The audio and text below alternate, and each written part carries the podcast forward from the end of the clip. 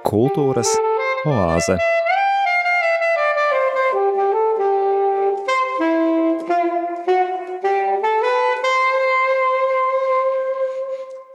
Esiet sveicināti, cienījamie radio Marija Latvija klausītāji! Ar jaunu džinglu, atzīmējot viena gada jubileju, ēterā savu skanējumu sāk raidījums Kultūras oāze, un ar jums, kā allaž, sasveicinos es, raidījuma veidotājs un vadītājs Normunds Zariņš. Par jaunā džingla radīšanu un ieskaņošanu paldies saksofonistam Matīsam Ozoliņam un Radio Marija Latvija brīvprātīgajam Rihardam Miķelsonam. Šīs dienas raidījumā iepazīsim Dejas meditāciju. Kopā ar Romas katoļu baznīcas Betānijas Dominikāņu kongregācijas māsu, pedagoģi, dejas un kustību terapeiti, dejas meditācijas pasniedzēju Diānu Cērmani ģimenes psihoterapeiti Kristīni Maži un Romas katoļu baznīcas Rīgas arhīdiecēzes palīgbīskapu Andri Kravali. Raidījumā dzirdēsiet māsas Diānas izvēlētu mūziku no dejas meditācijas nodarbībām.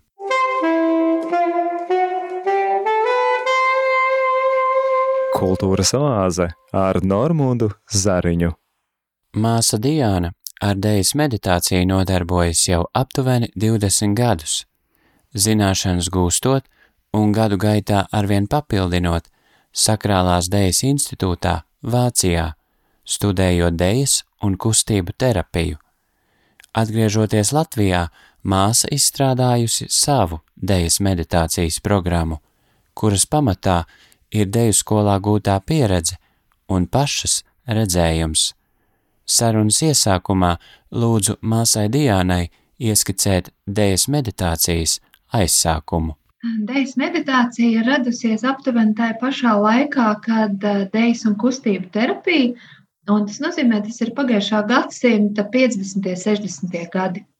Dējas meditācija varbūt uh, ir datējama mazliet vēlāk, tātad 60. un 70. gadi. Uh, un, uh, Dejas meditācijas izveidotājs un dibinātājs tādā mm, griezumā, kā es to praktizēju, ir baletmeistars Bernards Vozīns. Um, viņš bija profesionāls dejotājs, un uh, es viņu personiski nekad neesmu sastapusi, jo viņš jau ir pie mūsu debesu tēva. Um, bet uh, savas dzīves, um, teiksim, otrajā pusē, drīzāk jau tādos norieta gados, viņš uh, dejojot ir atklājis, ka uh, Dievs ir bijis kopā ar viņu tieši dejā. Un uh, šī personiskā atklājuma iespējā viņš ir radījis tikai dažas dejas, vairs pats. Man gribētos atļauties viņu salīdzināt ar Dominikāņu ordeņa svēto un filozofu Akvīnu Tomu, kurš um, īsi pirms savas aiziešanas uh, redzēja brīnišķīgu vīziju, un pēc šīs vīzijas viņš vairāk neko nerakstīja. Un kad viņam brāļi jautāja, kas ir noticis, kāpēc, tad viņš ir saglabājusies tikai šī frāze, tas viss ir tikai salmi. Respektīvi, sastapšanās ar Dievu lielākoties ir tik varena un tik neatkārtojama, ka neviens cilvēcisks vārds, neviens cilvēkam pieejams izteiksmes līdzeklis to objektīvi nevar attainot. Bet jāsaka, ka vienmēr mākslas līdzekļi ir tie brīvākie un izteiksmīgākie, lai spētu liecināt par Dievu. Un man liekas, ka um, Bernards Vozīns savā, teiksim, tādā jauna, jaunatgrieztā kristieša uh, stāvoklī uh, ir spējis atstāt mantojumu, ko um, cilvēki šobrīd praktizē vairākās vietās pasaulē. Un, uh, viņam ir pāris idejas palikušas, kas tiek uzskatītas tiešām par viņa idejām. Ja? Jo kā jau tas bieži ir mākslā, kad uh, ietekmes saplūst, nevienmēr ir viegli noskaidrot autorību. Ja? Jo katrs ir kaut ko pievienojis. Ja? Un, uh, Bet tiešām ir pāris idejas, kas skaitās viņa idejas, un um, viņš ir bijis ļoti um, ietekmīgs un harizmātisks cilvēks. Un viņam ir daudz skolnieku, līdz ar to idejas meditācija ir attīstījusies dažādos virzienos, bet tas, kas uzrunāja mani un tas, ko praktizēju es, tas ir virziens, ko ir attīstījusi Friedela Ebla Kloka. Viņa strādā šobrīd Vācijā. Un tas ir virziens, kurā svarīga ir klasiskā dēļa, kurā svarīga ir, kurā svarīgi ir paleta elementi un kurā svarīga ir tautas dēļa. Un, teiksim, tie ir instrumenti, ar kuriem es strādāju dēļas meditācijā. Ja runājam par rašanos, dēļas meditācija attīstījās no 70. gada aptuveni. Bernardam Vozīnam vēl dzīvam esot. Uh, tā informācija, kas man ir pieejama, liecina, ka viņa sapnis bija nodibināt klasiskās uh, izglītības universitāti, uh, kur pasniegt klasiskās mākslas, bet to viņš vairs nespēja izdarīt. Līdz ar to viņa skolnieki to viņa ideju attīstīja kā nu spēja. Un uh, Frīdela Ebla Kloka nodibināja Nīderlandē Damiāna institūtu, kur sāka uh, pasniegt uh, dejas meditāciju, tā kā tajā angliskajā tulkojumā tā ir sakrālā deja. Uh, Latviski es tā netulkoju, es saku dejas meditācija, jo um, tad mums reizēm var uh, jūs, uh, teiksim, rasties tāds jēdzienu juceklis, jo nu, kas tad izšķir tas, to, kas īsti ir sakrāls. Ja? Jo, ja mēs ņemam no teiksim, rituālu puses, ja, tad sakrāls būtu tikai tas, kas ir sakrāls rituāls. Bet dejas meditācija ir pārdomu process. Tas var nebūt saistīts ar sakrālu rituālu, bet tas vienmēr būs saistīts ar cilvēku un dievu attiecībām. Viņa izveidoja Damiāna institūtu un sākumā pati pasniedza dejas meditāciju kā tādu sevis un ārpus sevis esošās pasaules iepazīšanas veidu. Un nu, šobrīd tas ir uh, izveidojies par uh, dēļas meditācijas uh, izglītības, es tagad galvā mēģinu tulkot dēļas meditācijas izglītības institūtu. Um, angliski tā arī sauc, saka Dans, um, kurš darbojas, manuprāt, vai no astoņās vai desmit valstīs. Respektīvi, um, Man liekas, ka um, kaut kas šajā veidā, kā, kā mēs dejojam, meditējam un lūdzamies, ir uh, kaut kas tāds ļoti vienojošs. Uh, vēl ārpus tā fakta, ka pat deja par sevi ir vienojoša, jo uh, dejai lingvistika nav šķērslis. Jā, mūs, mūs nešķir šī robeža, ka mēs nesaprotam viens otru valodu. Man apmācību grupā bija cilvēki parasti no piecām, sešām dažādām nācijām, un mēs nerunājām visi angliski. Ja? Bet tomēr mēs spējām saprasties, jo uh, pati kustība ir valoda. Un es domāju, ka tas ir viens no tādiem skaistiem uzdevumiem dēļas meditācijā, ir īpaši mūsdienu sašķeltajā pasaulē, kas ved uz vēl šī situācija, ko mēs šobrīd piedzīvojam, vēl jau vairāk sašķeļ cilvēkus. Tas ir veids, kad, kurā mēs runājam vienā valodā un kurā mēs tuvojamies viens otram. uh, uzšķiru, uz, uh, uzsverot uh, vienoto, nevis atšķirīgo. Skaidrojumā par dēļas meditāciju ir teikts, ka tā ir lūkšanas un pārdomu prakse, kura attīsta vērīgumu, cieņpilnu attieksmi pret sevi un pilnveido kustības garīgo dimensiju. Stāstījuma turpinājumā māsa Diāna izskaidro, ko tas nozīmē praktiski un kādi galvenie elementi tiek izmantoti šajā procesā. Mēs vienmēr sākam uh, savu satikšanos ar dēļas meditāciju ar to, ka mēs mācāmies apzināties savu elpu. Un, uh, es strādāju gan ar cilvēkiem, kas praktizē reliģiju, gan ar cilvēkiem, kas nepraktizē nekādu reliģiju. Un elpa ir tā, tik ārkārtīgi demokrātisks un saprotams veids, kā uh, uh, tas ir iespējams ikvienam. Un, ja ticīgs cilvēks uh, ļoti ātri atrod šo ceļu caur svētajiem rakstiem, lasot, ka um, mēs elpu, jeb dvašu esam saņēmuši no Dieva ka mēs dziedināšanu saņemam no Jēzus, jo bieži mēs šajās rakstu vietās lasām, un viņš dvēsa uz viņiem. Ja? Tas nozīmē, ka savu dzīvību, savu uh, dziedināšanu, uh, savu uh, spēju elpot, um, mēs nesaņemam automātiski. Ja? Mēs saņemam no Dieva, mēs saņemam no radītāja.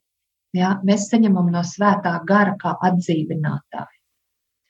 Savukārt, eh, ja es strādāju ar cilvēkiem, kas nav iepazinuši nekādas ticības pieredzes vai kuri nepraktizē reliģiju, tad eh, tas ir ārkārtīgi labs veids, kā sākt vērīgi elpot.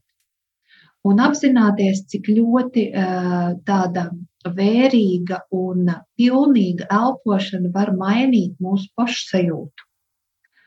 Es strādāju ar elpošanu arī ar bērniem, un mēs ļoti ātri jūtam to, kā burtiski 3-4 minūšu laikā, ja bērns sāk dziļi un nopietni elpot, viņš jūt, kā viņa rokas un kājas kļūst siltas.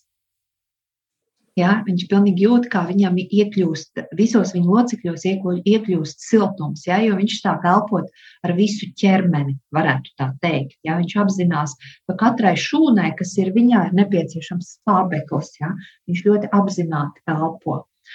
Līdz ar to eh, pareiza elpošana vai apz, vienkārši apzināta elpošana. Mēs nelietojam nekādas elpošanas tehnikas, kas ir psiholoģijā pazīstamas. Mēs vienkārši elpojam apzināti. Elpošana ir viens no pirmajiem elementiem, ko es lietoju. Um, un tas jau ir ļoti nomierinošs un bagātinošs elements. Palīdz arī pret panikas lēkmēm, pret trauksmi. Ja? Ļoti praktiska lieta. Un te mēs pat vēl varam nesākt kustēties vai dejot. Ja? Un nākamais elements, kas ir neatņemams, tā ir meditācija.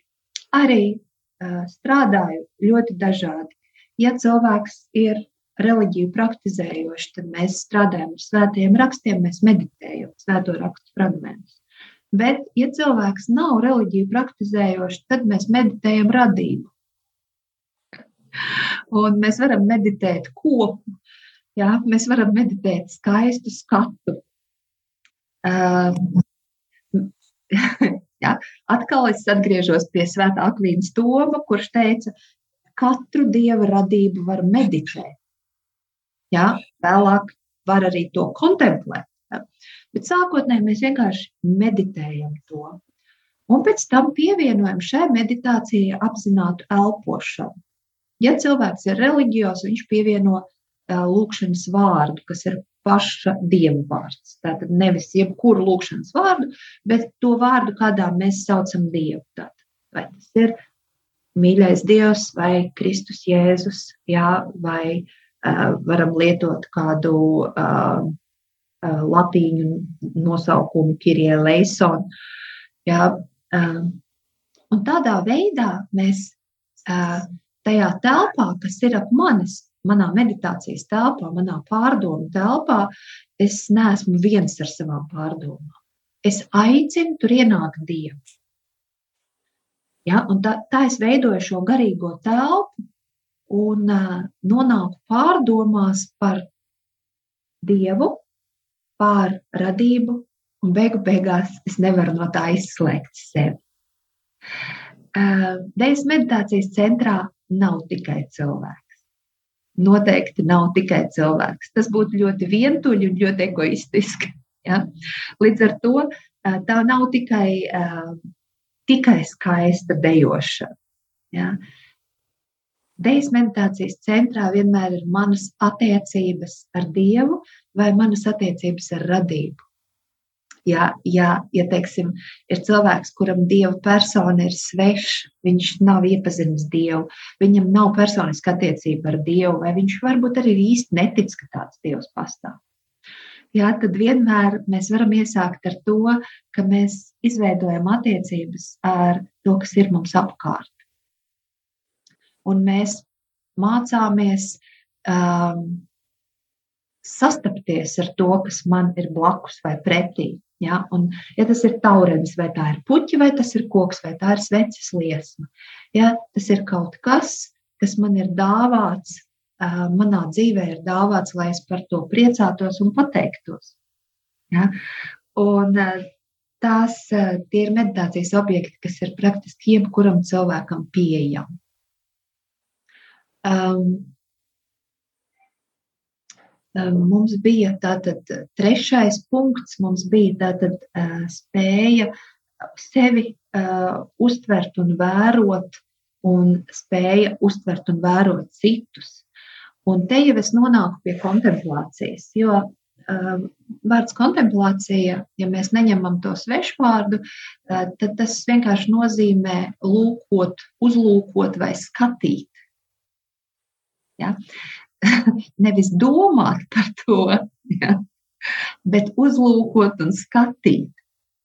Un tas ir ļoti ilgs process, kamēr cilvēks var nonākt tiešām līdz kontemplācijai. Spētu uztvert, iemācīties uztvert apkārt esošo pasauli un sevi, tādus, kādi viņi ir, nevis tādus, kā mēs iedomājamies, vai kā, ko mēs piedēvējam viņiem. Teiksim, ļaut citiem būt tādiem, kādi viņi ir, un beigu beigās tas reizēm, vai es ļoti ceru, ka bieži paver durvis mums būt pašiem tādiem, kādi mēs esam. Jo es vienmēr palieku pie uzstādījuma un pārliecības, ka ka Dievs visu ir radījis labu un skaistu. un, um, ja arī cilvēks, ja mēs runājam tādos reliģiskos iecienos, ja arī cilvēks pēc grēkā krišanas, viņš ir zaudējis šo pirmotnējo labumu un skaistumu, ja, tad tuvojoties Dievam, viņš to atgūst. Un es domāju, ka dēļas meditācija ir viens no veidiem, kādā mēs varam tuvoties Dievam. Lai uh, mācītos starot savā pirmotnējā radīšanas skaistumā. Un ar to es domāju nevis kaut kādu ārēju spožumu ja, vai kičīgumu, ja, bet to skaistumu, ko ir domājis Dievs mūsu radu. Varbūt tās ir tās trīs pakāpes, ja, kuras man šķiet ļoti būtiskas dēļas meditācijā.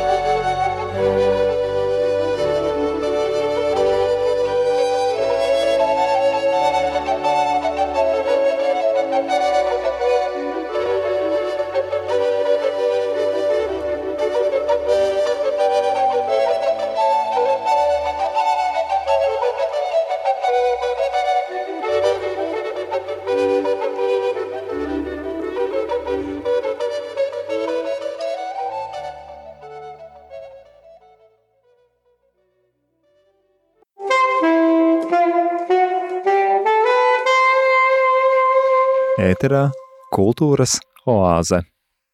Lūkojoties Bībelē, skaidri redzam un saprotam, ka dēja jau izsenis ir bijusi neatņēmama kristīgās dzīves un dievkalpošanas sastāvdaļa. Tomēr mūsdienās baznīcas attieksme pret to ir atturīga. Gana daudz kristiešu pat par amorālu uzskata ne tik vien dēju, bet arī teātra un kino apmeklēšanu, un kā ikdienišķs elements dievkalpojumu kārtībā, man šķiet, vismaz Eiropā, deja netiek praktizēta. Plašāk dejas un meditācijas miedarbību no bibliskās perspektīvas skaidro bīskaps Andris Kravalis. Mēs varbūt izējām šeit no tādas mūsu Latvijas kultūras pieredzes, bet uh, atsevišķās baznīcās, piemēram, Āfrikā, Āzijā, dievkalpojumi nenotiek bez uh, dējas. Ļoti bieži tāpat kā dievkalpojumi nenotiek bez uh, bungām, bez slavēšanas, bez pateicības. Un tāpēc, manuprāt, šis ļoti labs jautājums, lai saprastu, vai mēs vienmēr tiešām godinam ar to, kas esam, kas mums ir dots, ar tām spējām, maņām. Kā jūs pareizi sacījāt, Bībelē jau to mums rāda vecajā derībā, ka ir cilvēki atsevišķi dejojuši dieva godam, bet ir arī tauta dejojusi pateicībā ir par deju tiek runāts ne tikai psalmu grāmatā, deja saistās arī ar, piemēram, nu, pazudušā dēla atgriešanos, tur ir runa par mūziku un dejas troksni. Manuprāt, prieks ir neatņemama cilvēka dzīves sastāvdaļa, un tieši dēja var vislabāk arī paust šo prieku, pateicību, tā ir ķermeņa valoda. Un šeit mēs varam pamācīties no, austrumu, no pareizcīgo baznīcas, kas varbūt bieži vien tieši ķermeņa valodā runā daudz izteiksmīgāk dievkalpojuma laikā, ar ķermeņa kustībām, kas bieži vien nu, palīdz cilvēkam iet pateicībā, godināšanā. Un tāpēc, manuprāt, Deja atraisa cilvēka mm, kapacitāti atvērties vairāk pārdabiskajam, un uh, bieži vien arī ķermeņa valoda var kļūt par lūkšanas uh, izpausmi. Bieži vien uh, man nācies redzēt arī kādos uh, dievkalpojumos, kad cilvēki nu, sagatavojuši, iestudējuši deju, kas kļūst tikpat uh, skaisti, ja ne vēl skaistāk kā dziesma, kur ar ķermeņa valodu tātad, nu, tiek pagodināts Dievs, tiek izteikta tautas noskaņa. Ļoti bieži tā ir upurdāvanu sagatavošana, tas saistās ar pateicību. Āfrikā esmu redzējis, kā tas saistās piemēram ar ziedojuma do, došanu, kad vienmēr tātad eh, dējai, dējas soļiem ir ļoti nu, skaisti, skaists pielietojums. Man pašam ir gadījies tā, ka eh, es uh, laulāju kādu jaunu brīnišķīgu pāri, diskrēcijas dēļ neteikšu viņus vārdus, bet viņi abi iepazinušies, bija dejojot. Katrs pārstāvēja savu kolektīvu, un pie altāra viņi gāja dejas solī, un viņu kolektīvi bija tie, nu, kas tautu tērpos arī izpauda šo prieku. Un tas nebija nekas mākslīgs, jo tā ir viņu dzīve. Meitene dejo jau no četriem gadiem, un deja bija viņus, ja tā var teikt, arī savstarpēji iepazīstinājuši. Pat ja viņi dejoja dažādos kolektīvos, Un tāpēc, atgriežoties varbūt vairāk pie tā jautājuma par eh, meditāciju un deju, mēs saprotam, ka nu, meditācija ir gara meklējumi, un garš, gars cenšas izprast kristīgās dzīves jēgu, viņš cenšas labāk iepazīt kunga gribu. Un, eh, tāpēc, eh, tāpat kā mēs meditācijas laikā atveram savas domas, mēs pielietojot tās spējas, kas mums ir, mēģinām arī iet vairāk dieva klātbūtnē, domājam, kā iet no, no redzamā uz neredzamo, domājam, kā sasniegt šo nu, pārdabisko realitāti. Tāpat arī ķermeņa valoda, manuprāt, var ļoti, ļoti nu, palīdzēt eh, cilvēku attiecībās ar, ar, ar Dievu. Mēs taču arī lūkšanā pielietojam iztēli, mums ir vēlmes, emocijas. Mēs arī tāpat iesākam lūkšanu ar domām, ar ticības aktu. Un tieši tāpēc eh, ķermeņa valoda, kā deja, kas izpaužās dejā, vai tādos varbūt nu, tie varbūt sakrāli soļi, eh, vai, vai tas var būt eh, kāda ķermeņa attieksme. Dažreiz cilvēks varbūt pat nekustoties, bet ar ķermeni tā izdzīvo un tā pauž savu attieksmi, ka tas var iedvesmot ļoti daudzus un var citiem palīdzēt. Tāpēc, manuprāt, ir pamatot šis jautājums, kāpēc mēs baznīcā kautrējamies, kāpēc mēs to tik maz redzam. Bet, manuprāt, tieši tāpēc ir šīs pārdomas un māsas Dienas arī centieni, un to labi arī dara mūsu šeit draudzēs vai tās ģimenes mājā, kur redzam, ka cilvēkiem ir interese un ka šī ideja nav vienkārši atrauta no eh, tā augstākā mērķa, kas ir eh, kontakts ar Dievu, kas ir Dieva pagodināšana. Pāvils taču saka, pagodiniet Dievu ar visu savu dzīvi. Vai jūs ēdat vai dzerat, atdodiet godu Dievam. Un tāpēc arī dēļa, manuprāt, var būt ļoti nu, skaists un izteiksmīgs lūkšanas veids un izpausme.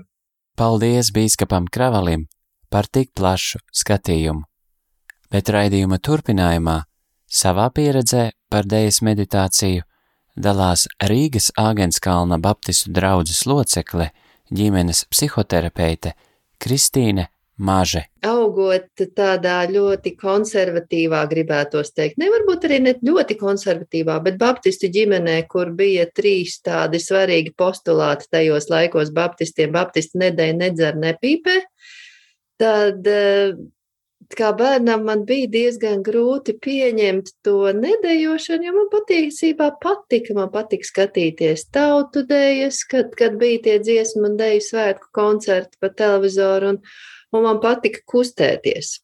Bet nu, es pieņēmu, ka acīm redzot, tas nav kaut kas labs, jo kā man paskaidroja, ka lūk, eh, viena meitene dejoja un nodejoja Jānim Kristītājam galvu, nu, viņas dēļas rezultātā viņš bija šķīries no savas galvas. Nu, lūk. Bet tas man vienmēr ir interesējis. Un tad kādu reizi bija norganizēta um, deju meditācija mūsu draudzē.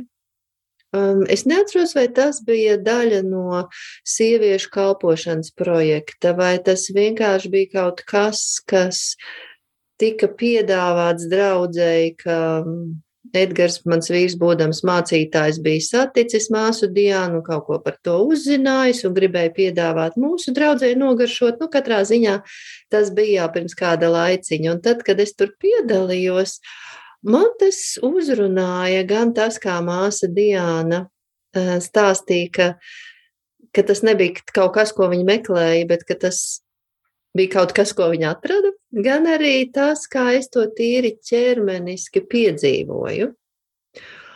Un tad jau vēlāk, diezgan apzināti meklējot kādu brītiņu klusuma un pauzi sev, un redzot, ka e, klosteru māsas piedāvā deju meditāciju ilgāku, jau kā vairākas dienas, Tad es um, sapratu, ka šis varētu man labi noderēt, ka tas ir kaut kas, ko es gribu pamēģināt. Sevišķi tajā kombinācijā, ka tas ir ne tikai darīt, bet pēc tam reflektēt par to. Nu, būt pilnībā iekšā un, un pēc tam padomāt un sajusties, ko tas man nozīmē. Jo pieaugušam cilvēkam jau ir svarīgi tās abas sadaļas, gan, gan sevi sajust, gan sev noformulēt, ko tas, ko es sajūtu, priekš manis nozīmē, nevis tikai automātiski uz to reaģēt. Es redzu, ka tas ir ļoti terapeitiski. Tas ir bijis gan terapeitiski priekš manis, gan arī tas ir kaut kas, ko es mēdzu saviem klientiem ieteikt ka tas varētu būt kaut kas, kas viņiem noder. Jo tur ir tā jaukā kombinācija, ka ir gan sekošana līdz savam ķermenim, gan tomēr pārāk liela neiedziļināšanās ķermenī. Jo cilvēkiem, kur ir piedzīvojuši attiecību traumu, kur ir ievainoti caur attiecībām, mēdz būt grūti piedzīvot attiecības ar citiem cilvēkiem un grūti piedzīvot savu ķermeni. Un tad, ja fokusējas tikai, tikai uz ķermeni, tas var būt biedējoši, jo tad tās visas izjūtas un emocijas nāk atkal uzaust un, un ir grūti ar to tikt galā. Bet tas, kas deju meditācijā, ir tas uh, terapeitiskais, ka ir došana un ņemšana. Man ļoti patīk, kā māstījāna uzsver ar vienu roku dod, ar otru saņem, arī tajā ķermeniskajā pozicionēšanā, kā rokas stāv apliesot. Ir sinhronums, kur mēs mācāmies būt vienā ritmā, kas arī trenē spēju sadarboties. Un tur es velku tās paralēlas ar terapiju, ka arī mēs vairāk caur darbību trenējam spēju, nevis sakam, tagad tev ir jāvar sadarboties. Bet caur darbošanos kopā trenējam smadzenēs šos savienojumus, lai viņi tur nostiprinās, lai citos gadījumos izveidojas. Uh, to es redzu kā ļoti terapeitisku. Un, un, protams, tas, ka var pielikt to garīgo dimensiju klāt, ka tur ir gan, gan es ar sevi un savu ķermeni, gan es ar citiem un viņu ķermeņiem, gan mēs kopā ar Dievu. Un tas, tas ir tas bagātinošais, ka tur ir tās visas trīs dimensijas. Un, un arī tas, ka piedzīvot savu ķermeni citādāk, piedzīvot savu ķermeni kustībā. Es atkal nesen klausījos vienu semināru no top neirozinātniekiem par to, cik ļoti trauma, attiecību trauma var iet, iesprūst, iekapsulēties mūsu ķermenī, un ka tas tīri ķermeniski ir redzams, un reizēm nevar sākt strādāt ar to, ko es domāju vai jūtu, vai reizēm ar to nepietiek. Nevar piekļūt tam, kas ir iekšā ķermenī, un tīri fiziski ķermeni izkustinot sākot kustināt tās daļas, kuras ir iesalušas, sastingušas, arī sāk atbrīvoties, ka ah, tagad es par to varu sākt druscīt domāt, es par to varu sākt druscīt runāt, es ar to varu kaut ko iesākt. Un tas ir tas, kas ir eh, deju meditācijā atkal tas jaukais, ka mums ir konkrētas kustības, un, un tas ir ar fokusu uz Dievu, un tāpat laikā ķermenis iekustās, un man ir jādomā līdzi, kā tas ir, kad es no lejas paņēmu to, kas ir mans, un pasniedzu dievam. Un kā tas ir to atdot, kā tas ir saņemt no dieva, kā tas ir sajusties, ka es to tiešām redzu, saņemu, un kā tas ir to spēt atkal palaist vaļā, pie tā neturēties.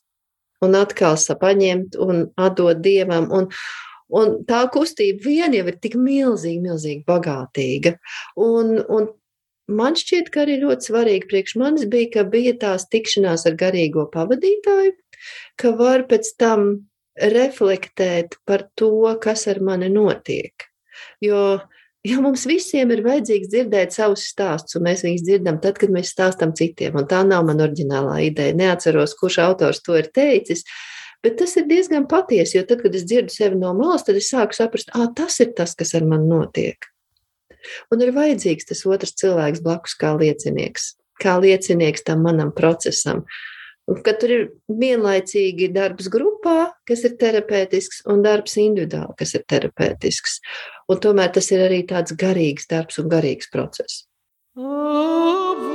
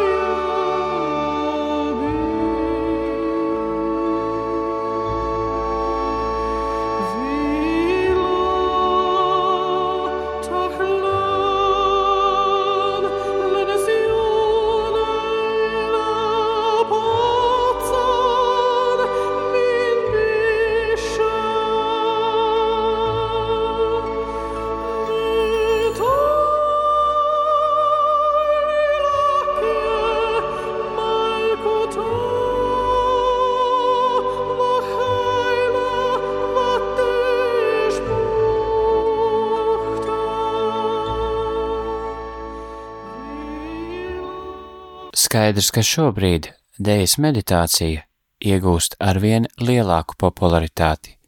Dejot un meditēt kopā ar māsu Diānu var Betānijas Dominikāņu kongregācijas klostera kapelā un Svētās ģimenes mājā Rīgā un citur. Uz dēļas meditāciju ierodas dažādu pārliecību cilvēki, kā vīrieši, tā sievietes, kuriem tā ir īpaša, personīga sastapšanās forma ar Dievu un radību. Latvijā gūto pieredzi māsa Diāna sarunas noslēgumā apkopo šādi. Šo gadu laikā um, es domāju, ka dēļas meditācija ir ieņēmusi savu vietu noteikti Latvijas baznīcā, Latvijas reliģiskajā vidē, bet es pieļauju, ka par to ir arī dzirdējuši Latvijas iedzīvotāji uh, citās aprindās, nereliģiskās aprindās. Un, Šobrīd, šobrīd man ir meditācijas grupas, kas nāk vakaros kopā, dejot, meditēt. Protams, mūsdienu apstākļos, tagad, teiksim, ierobežojuma apstākļos, reizēm tas arī notiek zūmā.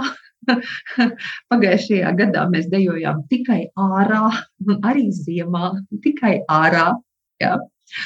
Bet arī tas bija tāds spēcīgs rādītājs, kā arī tad, kad ir mīnus 20 grādi, mēs sanācām kopā slēpošanas tērpos un tomēr mēs meditējām ar dēļu. Tātad tas cilvēkiem bija tik ļoti svarīgi un vajadzīgi, ja, ka viņi bija gatavi um, šo nērtību paciest, ja, bet tomēr to darīt, nākt kopā, lūgties kopā ar dēļu. Uh, un uh, man šobrīd darbojās divas trīsgadīgās izglītības apmācības grupas un viena pamatizglītības grupa, un divas pamatizglītības grupas ir jau pabeigušas savu apmācību, jo um, apmācības sistēmā, kurā es strādāju, um, mēs, mums ir ievads seminārs, pēc tam ir uh, pamatizglītība, ko veido pieci semināri, un ja cilvēkam tas patīk un interesē, tad viņš var pieteikties trīsgadīgai izglītībai. Ja? Un pabeidzot šo uh, procesu, cilvēkam tad ir um, gan uh, teiksim, kaut kāds uh, deju krājums, kas maksimāli var sasniegt nu, 100-120 dejas, plus vēl dažādu metožu krājums, kādā veidā mēs varam strādāt ar savu elpu, kādā veidā mēs varam strādāt ar meditāciju, un kādā veidā mēs varam apzināties savu ķermeni, savu dvēseli un savu prātu, un kādā veidā mēs varam piedzīvot vienotību šajā savā eksistenciālajā ķermenī. Protams, ka visā šajā procesā mēs iemantojam arī praktiskas iemaņas. Mēs vienkārši iemācāmies dejas, mēs um, teiksim, izkopjam stāju, kas ir raksturīga baletam un klasiskajai dejai. Līdz ar to man ir cilvēki, kas pēkšņi izrādās par pusotru, diviem centimetriem garāki nekā viņi paši sev likās. Jā, pat izmērot, izrādās, ka mēs varam izstiepties no sevis ārā, ka mēs varam būt garāki, ka mēs varam būt uh, staltāki. Un, um, un uh, nenoliedzami tam ir ļoti pozitīva ietekme uz veselību, uh, tam ir ļoti pozitīva ietekme uz psihi. Uh, jo kustība kā tāda lielākoties pie jebkuriem traucējumiem ir ārkārtīgi iesakāma. Un jāsaka, ka tagad tā saucamā pēc-covid laikā vai tā saucamā garā covid periodos ļoti, ļoti iesakāma ir gan dēļas meditācija, gan kustība kā tāda. Ja, jo tas palīdz atvesļošanās procesā, tas palīdz mums atjaunot savu elpošanas kvalitāti, ja, un tas mums palīdz arī novērtēt uh, to uh, vērtīgo un labo, kas mums ir apkārt. Tā kā uh, es esmu, man ir ļauts noiet, bijis ļauts noiet aptuveni 20 gadu ilgu ceļu kopā ar Dejas meditāciju, un es esmu ārkārtīgi priecīga, ka Latvijā ir cilvēki, kas man ir pievienojušies, kas uh, jau spēja lietot Dejas meditācijas elementus savā kalpošanas vai praktiskajā darbā. Un, uh, šobrīd uh, es plānoju uh, braucienu uz Tallinu, uh, jo man bija tā iespēja vadīt darbnīcas Dominikāņu mākslas dienās rudenī, septembrī. Un Dejas meditācija ārkārtīgi interesēja Tallinas teātru direktoru Lembitu Petersenu, kurš uzaicināja mani novadīt divus seminārus Dejas meditācijā viņā topošajiem aktieriem. Tad es redzu, ka Dejas meditācijai ir vieta un nozīme varbūt tieši tajā fascinējošā apstākļā, ka Dejas meditācija apvieno gan meditāciju, gan kustību, gan gan uh, garīgu izaugsmi. Un, līdz ar to es domāju, ka ir ārkārtīgi daudz sfēras un nozares, kur dēļas meditāciju var lietot kā metodi, ja, kas izceļ kvalitātes, līdz kurām, nu, kuras neietver varbūt kādas citas sfēras. Un gribu vēlreiz teikt, ka mm, neskatoties uz to, ka es, protams, kā klostera māsa, um, izēju vienmēr no uh, reliģiskiem uzstādījumiem, ja, jo man dēļas meditācija ir lūkšanas veids, bet uh, dēļas meditācija uh, var būt palīdzoša arī cilvēkam, kurš uh, ir pagaidām vēl ar ticību uz jūs, ja, vai kuram nav personiska attiecība ar Dievu. Ja, tas ir ceļš, kas palīdz iepazīt uh, apkārtējo pasauli un sevi. Es, protams, vienmēr domāju, ka tad, kad mēs patiešām iepazīstam sevi, mēs vienā brīdī arī atklājam Dieva klātbūtni mūsu dzīvē. Ja? Bet es to vienmēr atstāju katra paša ziņā, jo tas ir katra mana dalībnieka personiskais ceļš, un es šajā ceļā esmu vienkārši pavadonis. Jā, katrs šo ceļu iet pats. Un, uh, es domāju, ka tas ir ārkārtīgi interesants, bagātinošs un aizraujošs ceļš. Dārgais rādījumā arī Latvijas klausītāji, šīs dienas raidījuma laiks ir aizritējis. Paldies par kopā būšanu! Uz sadzirdēšanos atkal jau 15. februārī pulkstens 17. kad tiksimies ar akadēmiķi, doktori, Latvijas valsts eksprezidenti Vairu Vīķi Freibergu. Sarunas tēma - Latviešu vērtību sistēma cauri laikiem.